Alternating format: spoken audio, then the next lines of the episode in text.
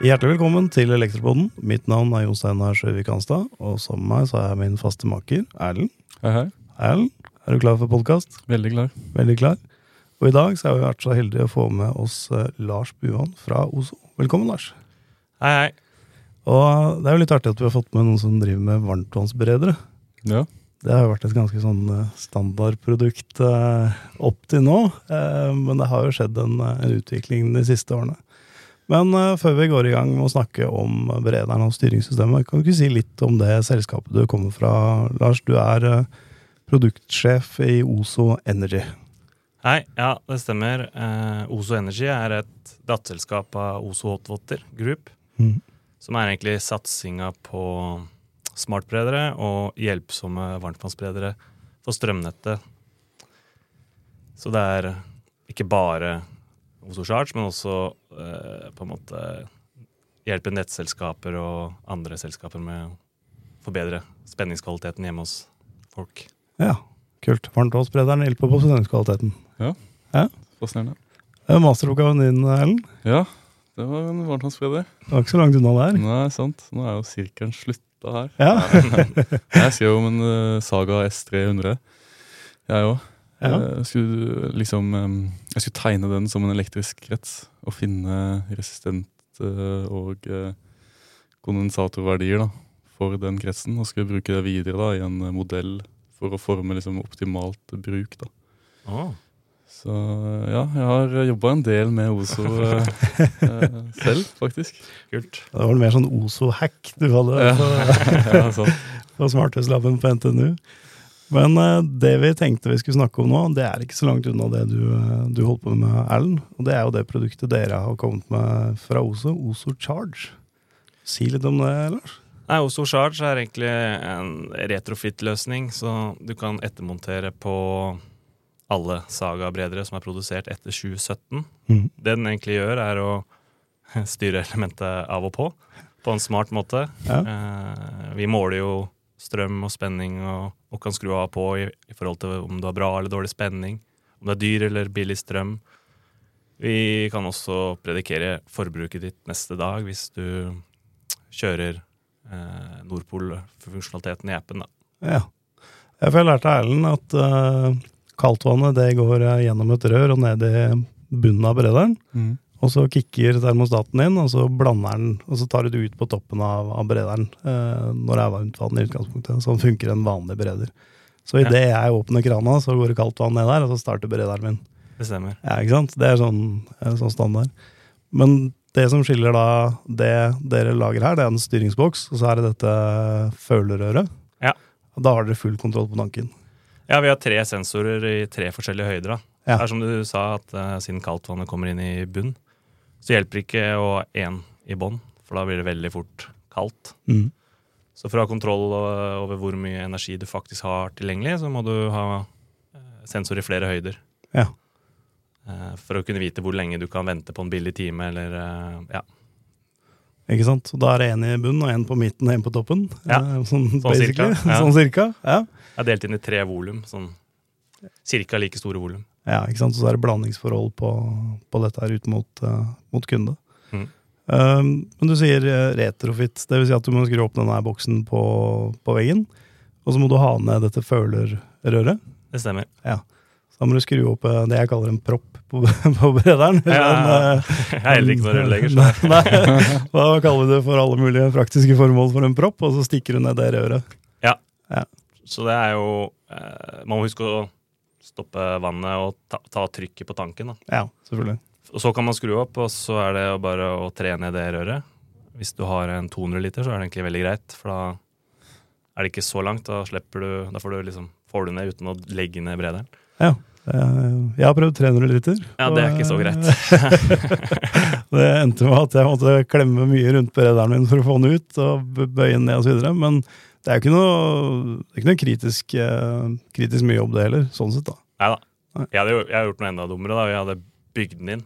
Oh, ja. Så måtte du Fikk, ut? fikk ikke lagt den heller. Måtte liksom, det var det prosjektet, men jeg fikk det til. Måtte ha hull i dekket over, da. Ja. Ja, Ja. Så, så 200 literen, da klarer du deg med 240 under taket, og så få ned det Det er veldig greit. Ja. Og det er 70% av markedet, faktisk. Hva er det, Ja. Ah, akkurat. Så da kan du ringe elektrikeren, da. Det prøver vi på. Ja. Få elektrikeren til å installere og selge det produktet. Ja. Kult.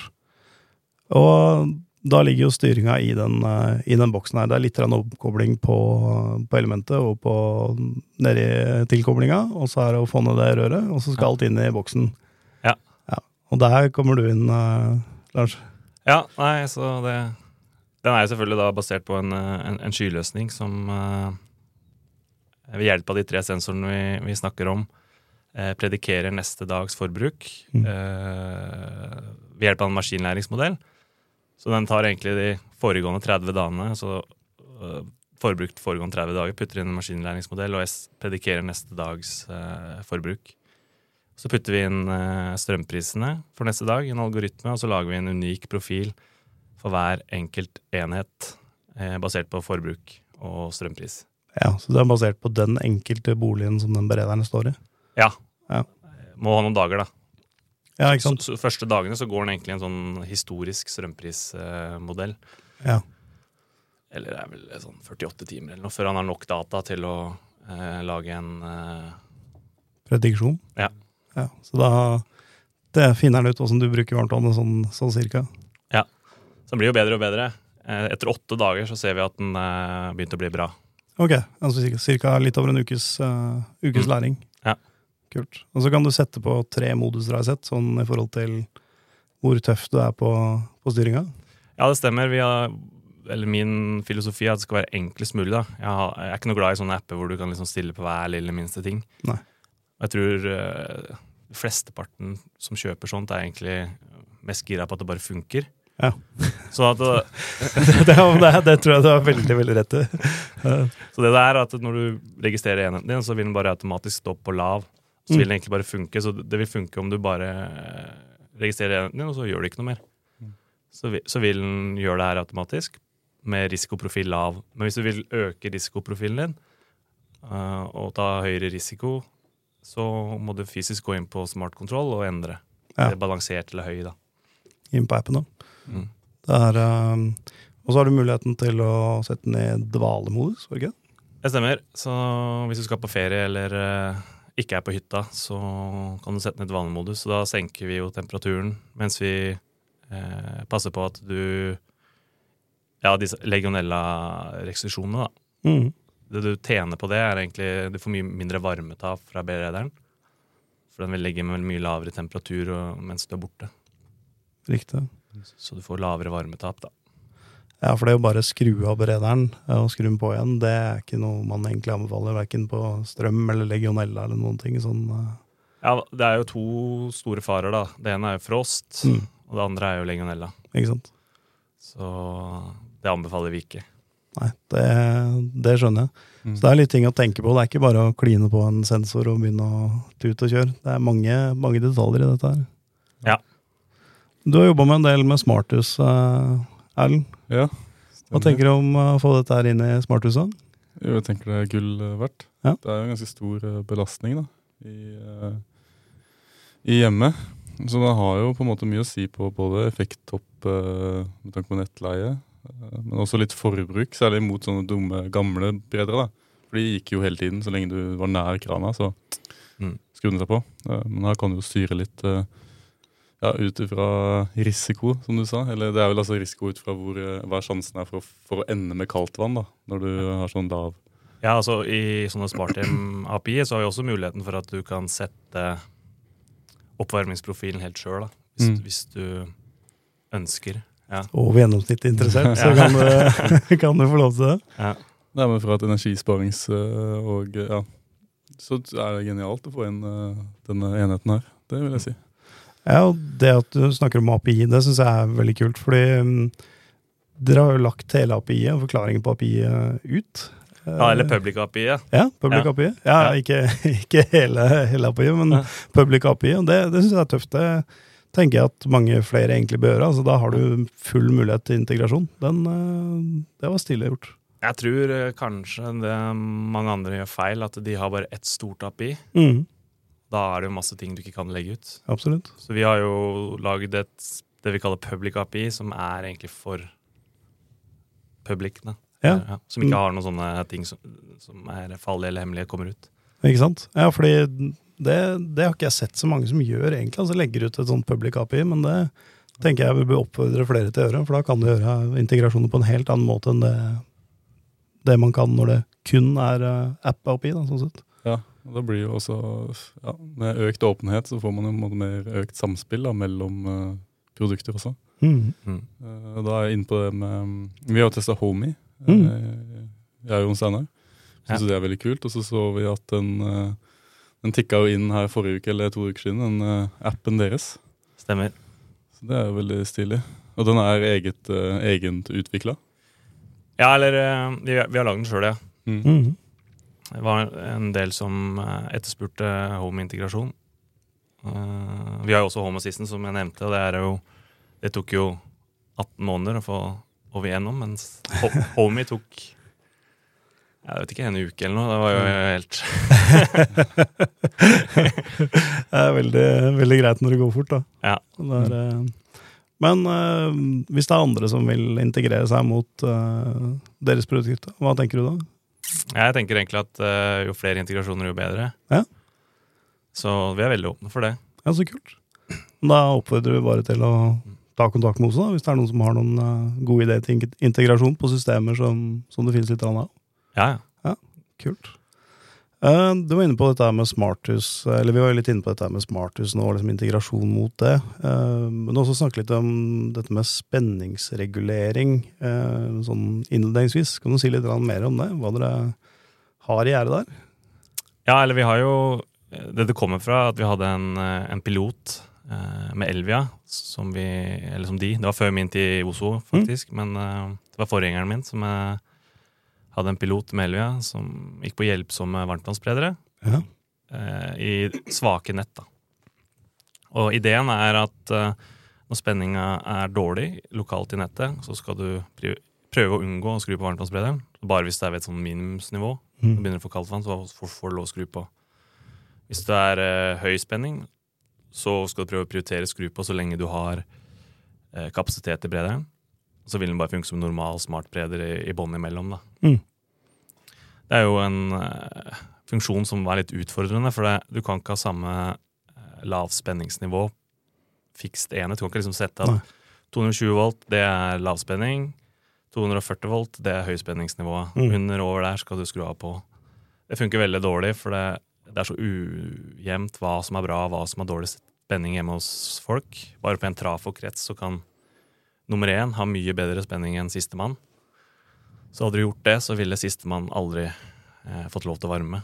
Så det vi gjør, er at vi setter et unikt eh, lavt spenningsnivå og høyt spenningsnivå basert på målinger. Mm. Vi har en egen eh, måleenhet i charge-enheten, submeter, så vi måler spenninga og har en algoritme som setter disse hva som er høy og hva som er lav spenning for deg. Eh, og det vant vi jo en, innovasjonspris for. Ja, kult. Det var veldig suksessfullt, eh, den piloten. Jeg tror litt av clouet er å gjøre det per eh, enhet. Eller ikke bare litt av clouet, det er eneste måten å gjøre det på, egentlig. Det er å gjøre det per enhet, da. Det fant vi ut ganske fort. Ja, det er det. Eh, så har vi fått det patentert, da. Så det er offentliggjort nå forrige uke, tror jeg. Ja. Så da kan du bruke varmtvannssprederen for å regulere spenningsnivået, sånn at du fortsatt kan produsere hvis du kommer litt for høyt opp i spenning. Ja, nå tenker på sol, med, sammen med solcelleanlegget. Mm. Eller, unnskyld, ja, med solcelleanlegget. Ja. Ja, for vi har jo dytta den funksjonen her videre inn i en solcellefunksjon som vi kommer med snart. Mm. Eh, og det bruker vi jo akkurat den funksjonen vi lagde i den piloten med Elvia. Og når det er overproduksjon, så stiger spenninga di, og da stiger den fort over den høyspenningsverdien, og så skrur den på varmtvannssprederen så lenge du har kapasitet. Ja. Men i tillegg til at vi gjør det her, så kjører vi en enkel predikasjon. Da. Så ser vi sånn, Du putter igjen data fra solcelleanlegget ditt, og så sier vi eh, Er det veldig sannsynlig eller veldig usannsynlig at du har mye solproduksjon i morgen? Bare sånn enkelt. Mm. Og hvis du har sannsyn lav sannsynlighet for solproduksjon, så prioriterer han billige timer. Men han setter på spenningsfunksjonen, så hvis det er eh, feil værmelding, da. Ja. og du får overproduksjon, så prøver den iallfall å lagre det du kan. Og så hvis du får høy sannsynlighet eller sannsynlighet for produksjon neste dag, så dropper den eh, Nordpol-priser helt. Så ser den bare på når det er sannsynlig for at du skal produsere sol, sånn at han har mye ledig kapasitet. Da. Det er genialt. Det er kjempesmart. Det som er gøy, er jo at eh, det som tidligere var et ganske dumt produkt, eh, og som egentlig ble sett på som en, en utfordring i nettet, da, at man fikk sånne langvarige høye belastninger, sånn som elbil, eh, men også selvfølgelig varmtvannsberederen, eh, det er jo nå en del av løsningen. Ja. Det er kult. Det er bare snudd det helt på hodet. Mm. Har, eh, hvis jeg skulle pekt på et produkt for ti år siden som jeg trodde kom til å bli veldig high-tech og, og spennende, så tror jeg ikke det hadde vært varmtvannsberederen. Altså. Det må jeg ærlig innrømme. Den jeg, har jeg ikke tenkt så mye på, annet enn de siste årene med tanke på termisk lagring. For det er jo termisk batteri du egentlig sitter med. Ja, og så er det ikke alltid det er Det er også Når vi går over til fornybar energi, da, eller Mm. sånn vind og sol og, alt, og sånne ting, så er det mye vanskelig å regulere nettet. Ja. Så er, du, du, kom, du får tilfeller hvor det er overproduksjon, og det faktisk er eh, Man kan få betalt for å skru på eh, last Mm. eh, raskt. Det er sånn innen ett sekund og sånn. Så, hvis, så hvis, du er over, hvis frekvensen eh, stiger, så betyr det at det er overproduksjon på nettet, og da er det sånne markeder hvor du faktisk kan få betalt for å skru på varmtvannsberederen din eller elbilladeren din. Eller. Det som er utfordringen i Norge, da, det er at uh, det er ikke noen enkel måte å få med forbrukeren på det, men sånn som i Sverige så er det stor uh, business, og der er det sånn ja, aggregatorer i form av smarte strømselskaper som er me bindeleddet mellom forbrukeren og teknologileverandøren. Ja, for det, det der er jo FFR, eller Fast Fre ja, om jeg holder tunga rett i munnen. Fast Frequency Response, eh, som det er snakk om. Og Statnett har jo muligheter for dette. men Ja, Statnett er FFR, ja, men ikke FCRD. Som er liksom FFR er bare å skru av. Det var skru av, ja. Ja. Ok, altså dette er dynamisk eh, I Sverige så har de, det er, I Norge så har de vannkraft, da. Ja. Som, som gjør hele det der eh, Egentlig så er det, tror jeg det er et krav. Skal du Ja. produsere vannkraft i Norge, så må du levere FCRD opp, som det da er, Eller ned, som da er produksjon ned, og opp, som da er produksjon opp. Mm. Eh, Så i Norge er ikke det noe stort marked, men i Sverige er det kjempemarked. Ja, kult. Ja, for de har jo mer, mye mer sol i, i Sverige, og mer vind. Jo mer eh, si, ikke-roterende stor masse du har i nettet, jo mer eh, frekvensforstyrrelser kan du få. da. Ja. Så, så i Norge så har jeg vært superheldig med Eller heldig. Vi har mye vannkraft som, som sørger for at vi har en, eh, en veldig frekvensstabilitet. da. Det er interessant at jeg plutselig kan få tilleggstjenester på varmtvannsberederen med tanke på frekvensregulering. Ja, altså ikke bare varmtvannsberederen, men alle store laster i hjemmet ditt, Mm. eh, sannsynligvis. I elbilladeren. Alle, ja, alle laster over to kilowatt, sikkert. Mm. Som, Så har den skikkelig varmekabler og kan sikkert gjøre det der òg. Ja. Ja, ikke sant? Ja, da blir det jo lasta oppå, og når du i tillegg da har eh, statiske vekslerettere på batterier og sånn, så det begynner å bli en del ting du kan eh, få dynamikk i da, ute hos, ut hos forbrukeren. Ja. Det er kult. det prosjektet SmartSenja, Ja. det har du testa litt det, Eller batteripakker ute i nettet. Og så har du også det med styring av varmtvannsberedere. Ja. eh, Med, der det er tung industri i visse tidspunkter av døgnet hvor du kutter ut de for å få ledig kapasitet i nettet. Ja. Så det er jo et sånn praktisk eksempel på, på at det er uh, veldig brukbart, da, kan man si. Ja. ja. Da er det bare å sette i gang, da. Ja. Klin til. ja, det er den eneste En av de få store lastene som er statisk hjemme, da. Mm. Mm. Sant det. Ja. Det, er, eh, det er helt sant. Det er en langvarig høy belastning, som vi kaller det i elektroverden. Det Ja. er eh, det. Er det.